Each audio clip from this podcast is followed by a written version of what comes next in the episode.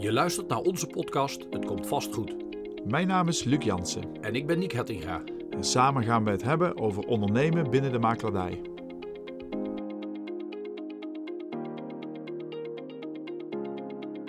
Ja, dat is toch wel apart om daar rond te lopen. En vooral omdat er nog wel wat reliquieën te vinden waren uit, eh, ja, uit de jaren dat de boel nog operabel was. Je hebt het over, eh, over eh, restantjes die je vindt. Welke restantjes heb je daar gevonden, Luc? Ik ben er wel heel benieuwd naar.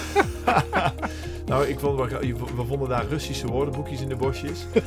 Je moet goed nadenken over eh, hoe dat je die doelgroep aan wil trekken. Hoe dat je het object wil presenteren. Hè, om mensen daar wel doorheen te laten kijken. Weet je nog, eh Niek, dat wij, eh, ik denk een jaar of vijf, zes geleden, dat we de opdracht kregen om een eh, voormalig bordeel te verkopen aan de Rijksweg. In wel, jazeker. Ja, ja, ja, ja, ja, ja. Ja, dat was toch een, eh, een heel bijzonder eh, object in, in alle opzichten. Ja. Klopt inderdaad. Ja, ik moet zeggen dat als je daar de eerste keer naar binnen stapt, dan, ja, dan je hebt een bepaalde verwachting, zeg maar. En ja, dan ga je daar rondje door zo'n pand heen lopen en dan, ja, dan zie je allemaal dingen. En eh, nou, ja, soms dan gaat je, hè, ik ben een beelddenker, dus dan, eh, dan gaat je, eh, nou ja, je fantasie wou ik zeggen, bijna, eh, bij, bijna los. Maar ja, dat is toch wel apart om daar rond te lopen. En vooral omdat er nog wel wat reliquieën te vinden waren uit, ja, uit de jaren dat de boel nog operabel was. Ja, ja, Ja. vroeger was dat, was dat stuk natuurlijk, die oude N271 tussen Nijmegen en Venlo, een route waar veel eh, eh, verkeer overheen ging. Truckers. Ja, dus uiteindelijk eh, is, die, is die Rijksweg een, ja, een, een- plek waar denk ik in de jaren 60, 70 verschillende seksclubs zijn Ja. ontstaan. Eh, en inmiddels ook eh, zo'n beetje weer eh, gesloten. Maar Ja. uiteindelijk het, het verkopen van zo'n object. Ja, dat is gewoon toch heel bijzonder. Hè? Dus, dus Ja. ook voor onze luisteraars, wat stel je dan voor? Ja, er gaat een deur open. Je komt in een, in een soort van marmeren paleis terecht. Met danspalen, bubbelbaden, allerlei slaapkamertjes met plastic overtrokken matrassen.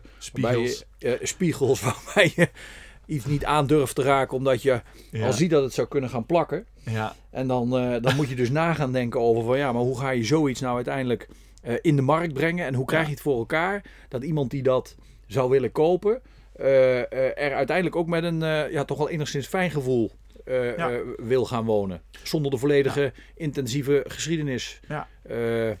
Nou, precies. Ik denk de uitdaging lag er daarin. Hè, met, met, met, al, met de historie die er ligt. En, en ook nog alles wat nog aanwezig was in dat pand. Om een potentiële koper toch een goed beeld te geven wat hij ervan kan maken. En hoe hij er uiteindelijk toch een, ja, een, een dienstbaar pand weer van kan maken. In dit geval was het dan hè, eh, eh, eigenlijk als een woonhuis weer. Ja. Hè, bestemmingsplan technisch liet dat ertoe. Eh, maar ehm, ja, dat zijn wel, wel uitdagingen als makelaar om mensen dan een juist beeld te geven van alle mogelijkheden. Ja, ja, ja en ik, ik, ik zie ook wel, hè, want ook met name in die verkoopvoorbereiding gaat dan toch tijd zitten. Ja. Hè, want je- je, je merkt dat eh, door de, de, hè, de bestemming van dat gebouw, alles wat daar gebeurd is, dat dat toch voor een bepaalde groep eh, wat afschrikbarend werkt. Dus, dus je, moet, je moet goed nadenken over eh, hoe dat je die doelgroep aan wil trekken, hoe dat je het object wil presenteren. Hè, om mensen daar wel doorheen te laten kijken en uiteindelijk te begrijpen van ja, maar hè, die Rijksweg is natuurlijk eh, eh, een wat drukke brede weg, maar wel weer op steenworp afstand van hè, bijvoorbeeld de Maasduinen, het Reinersmeer. Ja, dat zijn allemaal wel zaken die meespelen. Dus je, je verkoopt eigenlijk de locatie. Eh, je verkoopt het gebouw en met name het gebouw dat verdient aandacht in het verkoop klaarmaken. Daar gaan we zo meteen wat verder over spreken. Maar je verkoopt dan ook het gebied. En ik denk dat de, de voormalige bestemming moeten mensen durven los te laten. En er is een categorie mensen die kan dat. Ja. Hè, die hebben zoiets van, nou weet je, leuk dat daar ooit een bordeel gezeten heeft. Hè, en daar lag gewoon een keer eh, met z'n allen om. En eh, hè, je vindt er af en toe dan nog wat eh, restantjes van. Maar dat ruim je op. En vervolgens ga je daar je eigen draai aan geven. En er zal ook een categorie zijn die dat, met quote- potentiële kopers, die dat niet kunnen. Maar dat zijn dan vaak ook gewoon niet de kopers. Je hebt het over, over restantjes die je vindt. Welke restantjes heb je daar gevonden, Luc? Want ik ben er wel heel benieuwd naar. Nou, ik vond, we, we vonden daar Russische woordenboekjes in de bosjes. dus dat is wel, eh, wel apart inderdaad. En eh, nou ja, laten we, laten we er verder maar niet eh, te diep op ingaan. Als je snapt wat ik bedoel. Dus nee. Maar goed, weet je, alle gekheid op een stokje niet. Hè, dat zijn wel de extreme. Hè, maar als je nou gewoon kijkt naar hè, wat, wat we in de dagelijkse, ehm, in de dagelijkse makelaardij tegenkomen. Hè, vooral bij woningen. En dan zie je dat het verkoop klaarmaken van een woning in de voorbereidingsfase wel gewoon een heel belangrijk aspect is geworden. Um, en je ziet sowieso dat in de, ik denk in de afgelopen 15 jaar het interieur, hè, met name uh, voor heel veel bewoners, ook een belangrijker aspect van de woning is geworden. Mm En dus de, de, aandacht wat mensen besteden aan styling en aan materiaalgebruik, ja, dat is toch wel anders dan denk 30 jaar geleden. En uh, dat kan heel positief zijn voor, uh, voor de verkoop van de woning. Dat er al meteen een hele fijne en moderne vibe hangt. Maar ja, dat kan soms ook ja, wat, wat averechts werken. Als iemand een wat, ja, misschien een wat extremere stijl heeft. Of misschien een wat rommelige levensstijl op nalaat. Ja, dan zijn dat wel dingen die aandacht vergen om uiteindelijk een huis goed presentabel te koop te gaan zetten. Hoe, hoe begeleid jij een potentiële verkoper daarin? Nou, ik denk dat het allereerst belangrijk is om een doelgroep te bepalen voor zo'n woning. En op het moment dat je een doelgroep bepaald hebt, dan kun je ook met, uiteindelijk met de, de ogen van zo'n potentiële koper naar het huis gaan kijken. En uh, als je dat kan, ja, dan begrijp je ook uh, ja, wat zo'n koper wil zien. En waar die koper behoefte aan heeft, maar vooral ook waar die koper geen behoefte aan heeft. En ik denk dat een veel gebruikte spreuk bij het verkoop klaarmaken van een woning is uh, less is more. Hè? Dus je wil zoveel mogelijk van het huis laten zien en zo min mogelijk van de persoonlijke spullen van de huidige bewoner. Hè? Dat leidt alleen maar af. En ja, dat is best wel een kunst. Hè? Dus om, uh, om jezelf even in die potentiële koper te verplaatsen. En ja, soms betekent dat dat je ook wel wat rigoureuzer te werk moet gaan. En mensen ook echt gaat adviseren van nou, even, even los van nog van een, misschien enkele bouwkundige aanpassingen. Dat je zegt van goh, dit muurtje moet nog even geschilderd worden. Of het is handig om bepaalde dingen echt fysiek aan te passen. Uh, maar ook echt mensen adviseren van nou, bestel maar een paar bedanendozen. En, of boxen en kratjes. En ja, begin toch maar vast met het opruimen en het categoriseren van spullen. En toch een beetje dat die, uh, ja, die, stijl eruit te halen om het wat toegankelijker te maken voor de doelgroep die je uiteindelijk wil gaan bedienen. Maar je, je, er zit wel een verschil tussen zeg maar de showroom gedachte hè, die wij landelijk veel tegenkomen en een huis met een ziel. En, en ik denk dat daar wel een hele belangrijke nuance in ligt. Hè? Nou, weet je, een huis moet altijd huiselijk voelen. En het is vooral het is een verkeerde aanname om te denken dat je een huis compleet leeg moet trekken voor de verkoop. Mm alleen, uh, um, ja, het is altijd maatwerk. Maar het zijn vooral de persoonlijke tierenlantijntjes uh, die, ja, die soms wat veel kunnen zijn. En uh, we zeggen al, je moet ruimtes uh, functies geven. Mm -hmm. Het is belangrijk om verschillende vertrekken te zeggen, nou hier kun je een kantoor van maken. Nou, maak dan ook duidelijk dat dat een kantoor kan zijn. Zorg dat er een bureau staat met een opengeklapte laptop uh, en wat boeken die netjes op een stapel gesorteerd liggen uh, met een pennenbakje erbij, dan snappen mensen, hé, hey, dat is een fijn kantoor. Hè? Of diezelfde ruimte kan ook een speelkamer zijn. Betekent niet dat dus al het speelgoed eruit gehaald moet worden. En maar zorg dat het een beetje ordelijk is, maar dat mensen wel kunnen zien van, hé, hey, dit is een perfecte ruimte waar mijn kinderen een mooie speelkamer van kunnen maken. Ja. Nou, zo geldt het eigenlijk voor alle vertrekken. Hè, is belangrijk om duidelijk te laten zien van wat is nou de functie van een vertrek en hoe kan een toekomstige eigenaar met zo'n vertrek omgaan. Wat is de potentie van zo'n vertrek? En zo moet je hem indelen. Ja, ja, ja. Ja, hey, en als je dan kijkt naar, naar bouwkundig, hè, want, want um, uh, mensen gaan aan de slag met, met opruimen, met, ja. met schoonmaken. Maar uh, uh, waar ligt dan de grens tussen bouwkundig zaken aanpassen en zeg maar opruimen slash verkoop klaarmaken? Hè, ga je dan bijvoorbeeld ook keukens vervangen? Nou, dat, dat gaat wel erg ver. Hè? Besluiten het nooit uit. Um, uiteindelijk is het, een, is het een resultaat van wat de wens van de opdrachtgever is, een verkoper in dit moment. Heeft een verkoper tijd? Hè, is het een woning die bijvoorbeeld leeg staat en uh, in een nalatenschap zit, waarbij de familie zegt van goh, als het over zes maanden verkocht is, vinden wij het ook prima. Hè, en is het een woning die op een dermate goede locatie ligt dat een, ja, een bepaalde opknap of renovatie, uh, ja, dat dat ook echt wel waarde kan toevoegen in zo'n woning dan kan dat zeker baat hebben. Mm. Um, een opdrachtgever moet ook rekening houden dat het los van de tijd natuurlijk ook financiën met zich teweeg brengt. Hè. Dus een, een opdrachtgever moet ook bereid zijn om daar hè, misschien wel 10.000, 15.000 euro te investeren om zo'n woning dus naar een hoger level te trekken. Om uiteindelijk daar wel een veelvoud hè, het resultaat uit te halen. Hè, maar iemand die zegt van goh, ik heb de tijd niet en de zin niet en de centjes niet om zo'n uh, traject in te gaan. Ja, dan moet je kijken hoe je op het huidige niveau uh, de woning zo optimaal mogelijk klaar kan maken om het ja, hè, as is, where is eh, te gaan verkopen. Ja. En dan kun je vaak met weinig middelen, met, met, hè, wij zeggen eigenlijk, je moet een zo groot mogelijke impact creëren met zo min mogelijk tijd en zo min mogelijk geld. Ja. En die balans, als je die goed in orde hebt, dan hoef je geen grote verbouwingen eh, uit te voeren om uiteindelijk toch visueel een mooi resultaat te halen. Mhm. En als laatste erbij is ook wel heel belangrijk, we, we gaan geen dingen maskeren. Hè. Dat, dat is absoluut niet de bedoeling. Hè, dingen die, eh, die zijn zoals ze zijn. We gaan geen bouwkundige dingen verdoezelen. Eh, alleen je kunt wel zeggen van nou weet je, we hebben hier een eh, eh, bijvoorbeeld een familie die heeft hier gewoond en die hadden eh, de gewoonte om bijvoorbeeld altijd te douchen met het raam dicht en de boel eigenlijk te beperkt te ventileren, waardoor het plafond misschien wat schimmelvorming vertoont.